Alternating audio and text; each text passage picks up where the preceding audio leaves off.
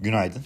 E, uluslararası piyasalarda tabii dün e, en önemli gelişme e, FED kararı ve Powell'un basın toplantısıydı. Şimdi ilk başta onu biraz e, inceleyelim. E, iki kısımda anlatacağım. Birincisi e, tek sayfalık e, özet tutanak. E, tabii bence e, bu tam kapsamlı tutanaklar açıklandığı zaman daha da geniş bir e, resimde olayı anlayacağız ama e, tek sayfalık özet tutanak e, ne diyor? Bir önceki toplantıya göre ne değişiklikler var? E, bir miktar ona bakalım. E, bununla ilgili olarak e, dünkü yaptığım paylaşımda e, beklediğim şeylerden bazıları gerçekleşti. Bazı beklediklerim gerçekleşmedi ama genel yapı şu şekilde. Değişiklikler bazında söylüyorum tek sayfalık tutanakta. İlk paragrafta enflasyondaki e, iyileşme bir miktar kabul edilmiş yani. E, diyor ki inflation has eased, eased somewhat but remained elevated diyor. Yani de, demek istediği şey şu enflasyondaki o yükseliş hızı bir miktar yumuşadı demek istiyor. E, ama hala e, yüksek seviyede e, şeklinde belirtiyor. Bu önemli bir e, tabii ki e, durum. Çok uzun zamandır e, enflasyon tarafıyla ilgili olarak e, tek sayfalık tutanakta e, en azından olumlu bir e, yapıda bir açıklama gelmemişti. E, ikinci e, nokta ikinci paragrafta bu savaşla ilgili olarak daha önceki Aralık ayı toplantısında savaşın enflasyon tarafında ve ekonomik aktivite tarafındaki olumsuz etkilerinden e, bahsediyorlardı. Şimdi bu bu değiştirilmiş, bu cümle değiştirilmiş e, bir miktar. E, yani hala tabii enflasyon tarafına e, şey yapıyor, e, vurgu yapıyor ama e, bir miktar e, direkt olarak e, işte bu e, tedarik zincirleri problemi vesaire ya da enerji maliyetleri tarafı vesaire e, bu taraflara girilmeden sadece belirsizliğin arttığından bahsediliyor. Çünkü yani enerji tarafında ciddi olarak bir geçen toplantıya kıyasla da gerileme durumu söz konusu maliyetlerde. Yani doğalgaz fiyatları nereden nereye geldi? E, Kasım ayının e, tepesinden işte dünkü düşük noktaya yüzde 60'ın üzerinde ABD tipi doğalgazda düşüş var. Tabii burada farklı etkenler de var. Ama günün sonunda o savaşın ilk dalgasındaki gördüğümüz e, işte çok yüksek doğal gaz fiyatları, çok yüksek petrol fiyatları vesaire bu tarz durumlardan artık uzak durum uzak noktadayız ve bu da tutanağa bir miktar e, yansımış durumda. Daha sonra üçüncü paragrafta en kolayı bu. 25 bas puanlık e, artış girmiş. İşte e, 4.25, 4.5'tan e, 4.50, 4.75'e e, çekiyorlar politika faizini ve gelecek toplantıyla ilgili olarak da işte bir kelime var extent kelimesini kullanmışlar 25 bas puanlık da sinyali veriyor e, özünde. Burada çok merak edilen bir durum vardı. İşte Fed e, eğer 2023 yılı içinde pivot yaparsa e, bilanço azalım sürecinde bırakabilir mi noktasında. Çünkü birbiriyle uyuşmayan noktalar. Ben çok zannetmiyorum. E, bilanço azalım süreci devam ederken faiz oranlarında bir azalım da yapabilir eğer yapması gerekirse günün sonunda illa yapacak demek değil. Çünkü finansal koşulları kontrol etmede özünde 3 tane silah var. Nedir bunlar? Politika faizi, bilanço yapısı ve e, geleceğe dönük sinyalleri. E, dolayısıyla eğer e, yapmak isterse böyle bir olasılık var. Ve bunu da aslında o piyasanın speküle ettiği bilanço azalımı bitecek mi veya daha ufak daha az bir miktarda mı olacak noktasını e, e, e, kendi düşünce yapılarında çok doğru olmadığını belirten bir cümle eklenmiş. İşte bilanço azalım süresi e, eski paylaştıkları plana göre devam edecektir noktasında. E, dördüncü paragrafta bir değişiklik yok. E, son e, paragrafta da zaten e, işte üyelerin e, isimleri ve oy durumundan bahsediliyor. Herhangi bir karara itiraz yok. E, işte bölgesel FED başkanlarının değişiminden dolayı isimler değişmiş falan filan. Şimdi bu tutanak... E, tabii çok böyle ne aşırı şahin ne çok güvercin vesaire diyebileceğimiz bir yapıda değil. E, çok e, tutarlı bir e, noktada. Ha, burada e, tabii yeterli sıkılaşma noktasına giderek yaklaşıldığıyla ilgili bir cümle yok. İşte faiz artışlarının devam edeceğini belirten cümle orada ongoing rate increases de, e, tutanaklarda bulunmaya devam ediyor arkadaşlar. E, ama e, yani böyle çok aşırı derecede de piyasanın e, şimdiye kadarki yaptığı o 2022'deki e, en çok satış yiyenlerin 2023'te en iyi başlangıç yapma e, noktasında fiyatlamalarda gördüğümüz temadan çok ayrılan bir yapıda değil. Şimdi geldik bir de e, basın toplantısı tarafına. Şimdi ilk başta tabii çok uzun zamandır e, ayı piyasasına inananlar, ondan da iyi para yapanlar 2022'de günün sonunda haklı nedenlerden dolayı e, vurguladığı şey şu. E, bakın gördünüz mü e, Powell 2023'te gene e, faiz indirimi yapılmayacağını belirtiyor. E, bakın gördünüz mü işte birkaç tane faiz artışı e, hala olabilir e, noktasını e, söylüyor. Bakın gördünüz mü e, işte e, enflasyonda e, hedeflenen noktaya doğru gidişatla ilgili olarak veya iyileşmeyle ilgili olarak e, günün sonunda e, daha çok kanıt alınması gerektiğini söylüyor. Noktalarını öne çıkartıyorlar ama piyasa buna çok takılmıyor. Niye çok takılmıyor? Şimdi bazı önemli e, noktalar var e, konuşmamız gereken. Mesela finansal koşullar e, tarafı. Şimdi bu toplantıya girerken ana tema neydi günün sonunda? Basın toplantısında Powell'ın Aralık ayıyla şu 1 Şubat tarihi arasındaki zaman diliminde e, rahatlayan finansal koşulları e, hatta genişleme bölgesine geçen finansal koşulları bir miktar e, törpüleyeceği şeklindeydi. E, çünkü e, finansal koşulların gevşemesi enflasyonla olan mücadelede aslında Fed'in işine gelmeyecek bir şey noktasında. Bunu çok yapmadı. E, Powell net olarak e, işte biz finansal koşullarda kısa vadeli harekete bakmıyoruz. E, 2022'de ciddi bir daralma oldu.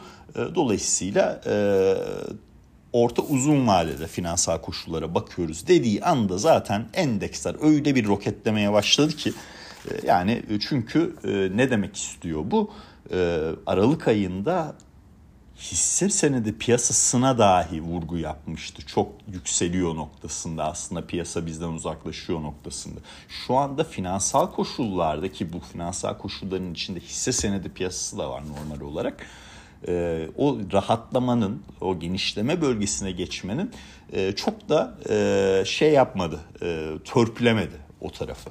E tabii bunun arkasında neler olabilir? Yani ekonomik e, taraf e, doğrudur. İstihdam piyasası resmi rakamlarda hala kötü değil.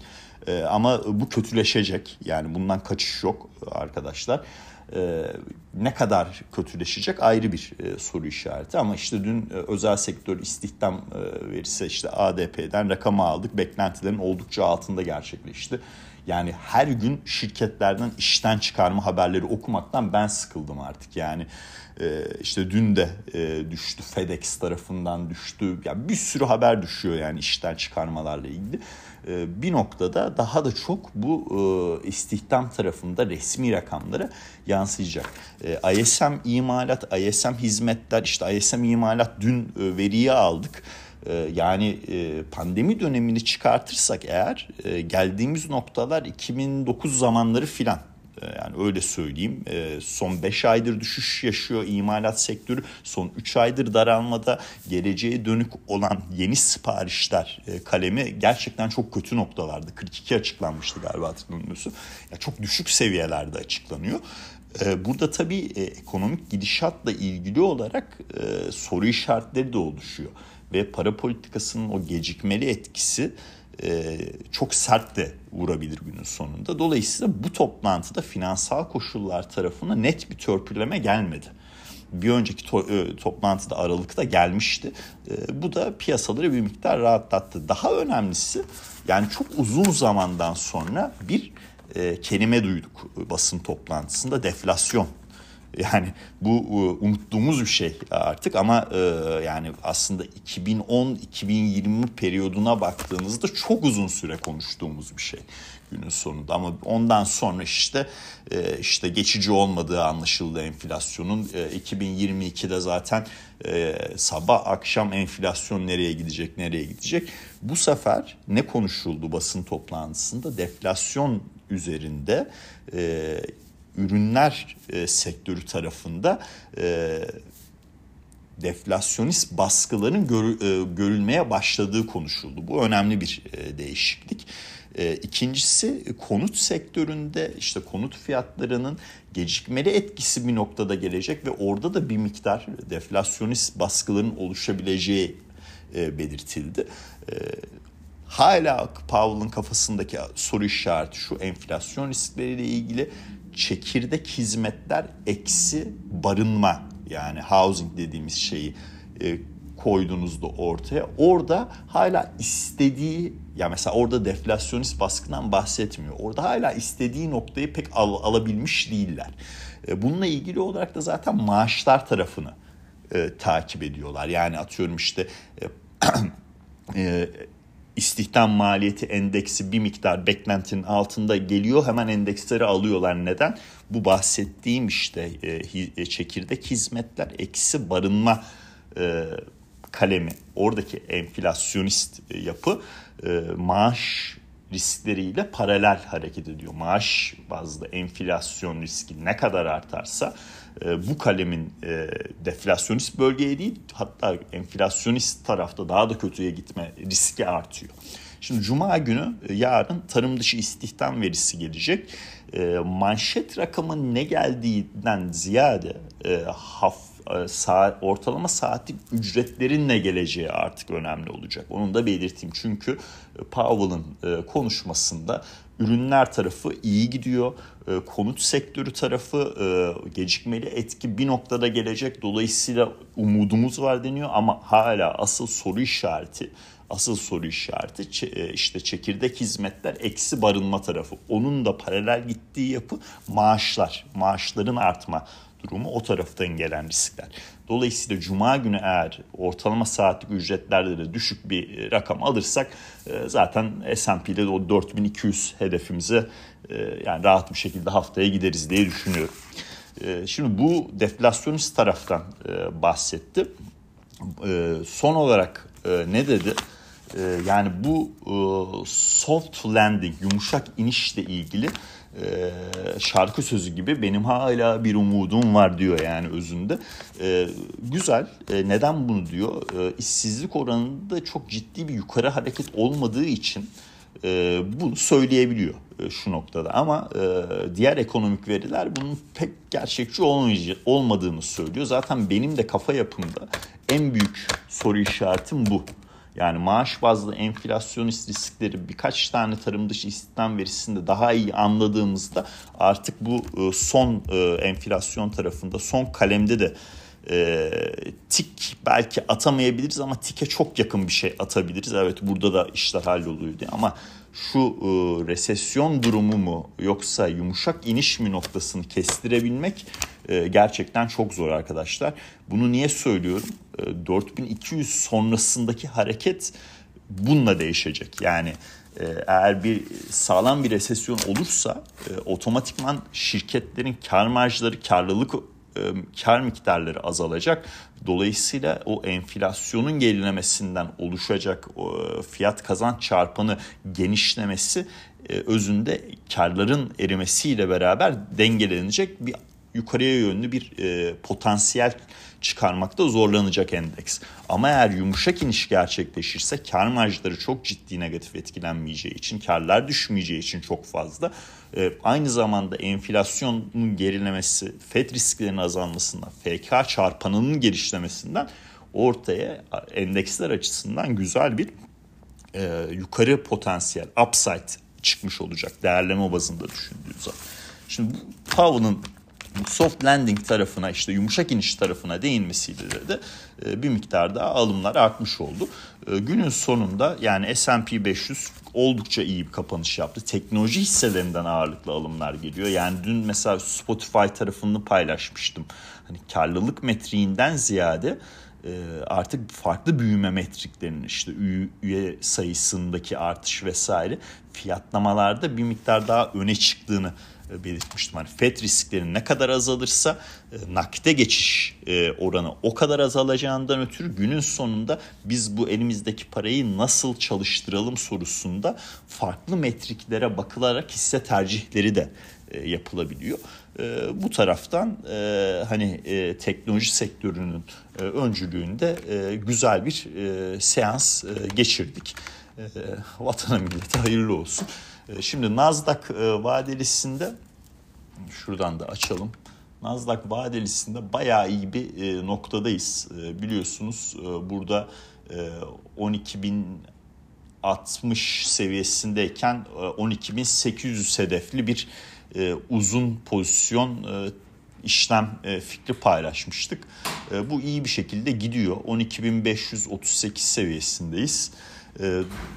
Dolayısıyla e, burada e, hani çok da fazla bir şey kalmadı. E, yaklaşık bir 250 puanlık gibi bir e, durum var. E, eğer bugün e, seans sonrası açıklanacak Apple, Amazon, Google e, bilançoları riskini almak istemiyorsanız karınızı alın kapatın. E, ama bu e, riski almak istiyorsanız da e, açıkçası ben Apple ve Amazon'dan ümitliyim. Google tarafı hala soru işaretli. E, yani yarın... E, buraya doğru bir hareketin e, olabileceğini düşünüyorum. Dolar endeksi tabii normal olarak geriliyor. E, Powell'ın e, basın toplantısından sonra. Burada euro dolarda 1.10 seviyesinin üzerine çıktık. İşte dolar endeksi e, 101 seviyelerinde. Ee, yani bunu şu anda hani ne olur sorusu bugün hani Avrupa Merkez Bankası toplantısı ve e, tabii İngiltere Merkez Bankası toplantılarıyla e, şekillenecek. E, ben GPP USD'de iyi bir aşağı yönlü hareket olacağını düşünüyorum. Çünkü durma sinyalini bence e, orada İngiltere tarafından daha net alacağız. Karara itirazlar da gelecektir. Avrupa Merkez Bankası tarafını okumakta zorlanıyorum. Ee, yani e, o tarafta 50 bas puan artış olur ee, ama ondan sonra piyasaya nasıl sinyaller verirler? Hani dün enflasyon tarafı bir miktar olumlu e, gerçekleşti e, piyasa beklentilerine kıyasla.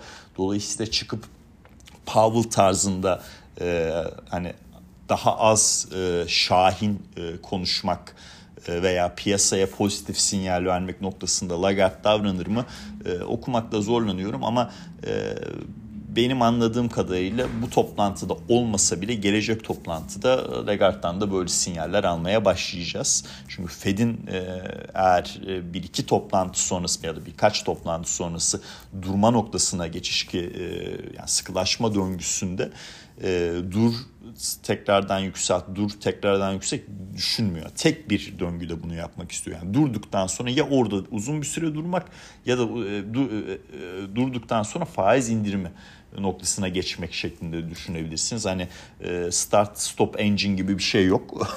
e, yani e, kendi Fed'in kafa yapısı o. Mesela Kanada Merkez Bankası e, durdu ama gerekliyse tekrardan faiz artır, arttırabileceğini belirtti. Şu anda e, FOMC üyeleri, FED üyelerinin e, böyle bir e, düşüncesi yok. E, o yüzden Fed'in durduğu ortamda diğer merkez bankaları da ne kadar uzun süre faiz artışlarına gidebilirler. E, o da ayrı bir e, soru işareti olur tabii ki. Altın tarafı e, normal olarak yükseldi çünkü ABD yani bütün verim eğrisi aşağı indi arkadaşlar e, ABD tahvillerinde yani 2 yıllıklarda 8-9 bas puan 10 yıllıklarda 10 bas puana yakın e, aşağı hareketler var.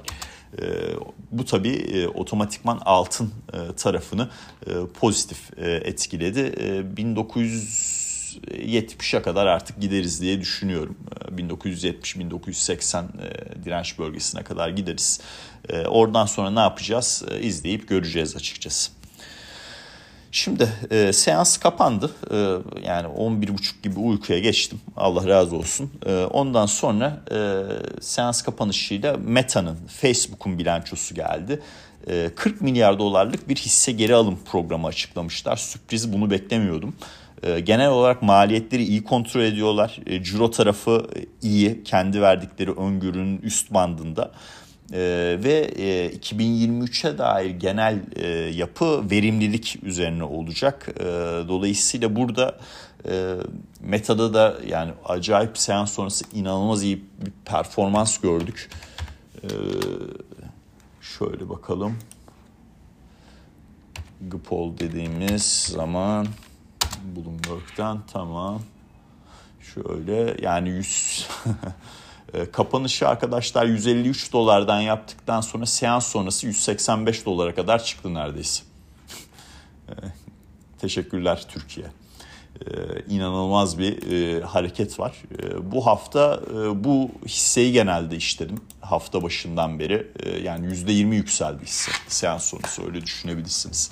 E, bunu işledim. Beta'da iyi, iyi bir e, performans görebiliriz noktasında. Snapchat'te kötü bir e, performans görülse bile Meta'da iyi bir şey görebileceğimizi belirttim ki bunu demek gerçekten e, zordur. E, aynı sektörde bir şirket yani şey gibi düşün.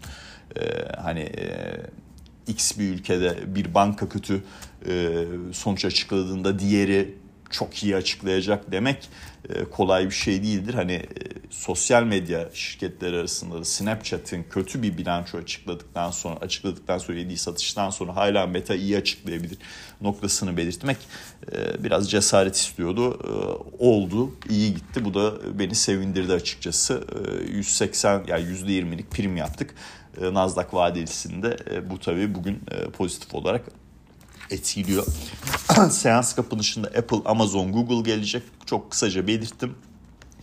Ee, yani Google tarafında bu OpenAI e, diyalogları çok ilgimi çekecektir. Ee, haberlerde de o tarafa bakın. Ee, Apple tarafında, FX tarafından biraz daha iyi bir tablo bekliyorum.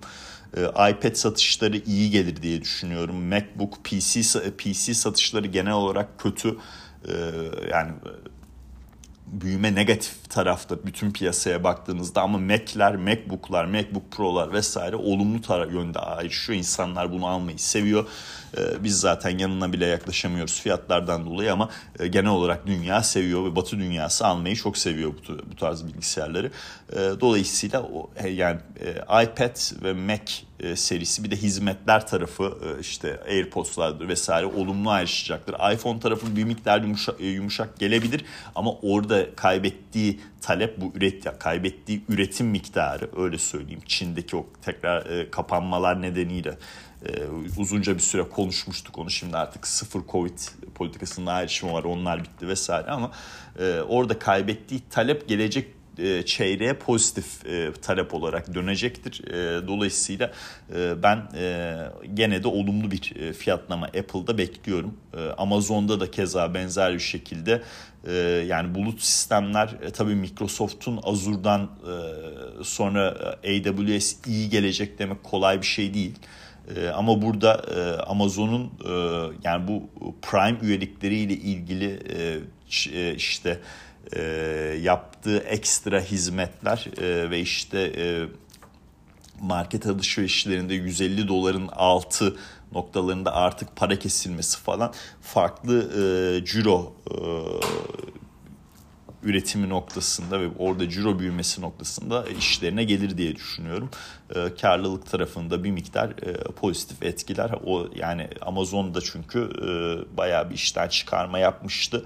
Oradaki e, operasyonel maliyetler noktasında iyi bir şekilde yönettiğini e, düşünüyorum. Yönetmeye başladığını düşünüyorum günün sonunda. E, Google tarafı çok pozitif değilim. E, yani e, ciddi soru işaretleri var. İzleyip göreceğiz o tarafı. Daha da uzatmadan bugünlük podcast'i sonlandırıyorum. Dinlediğiniz için teşekkürler. Herkese mutlu günler, iyi seanslar dilerim.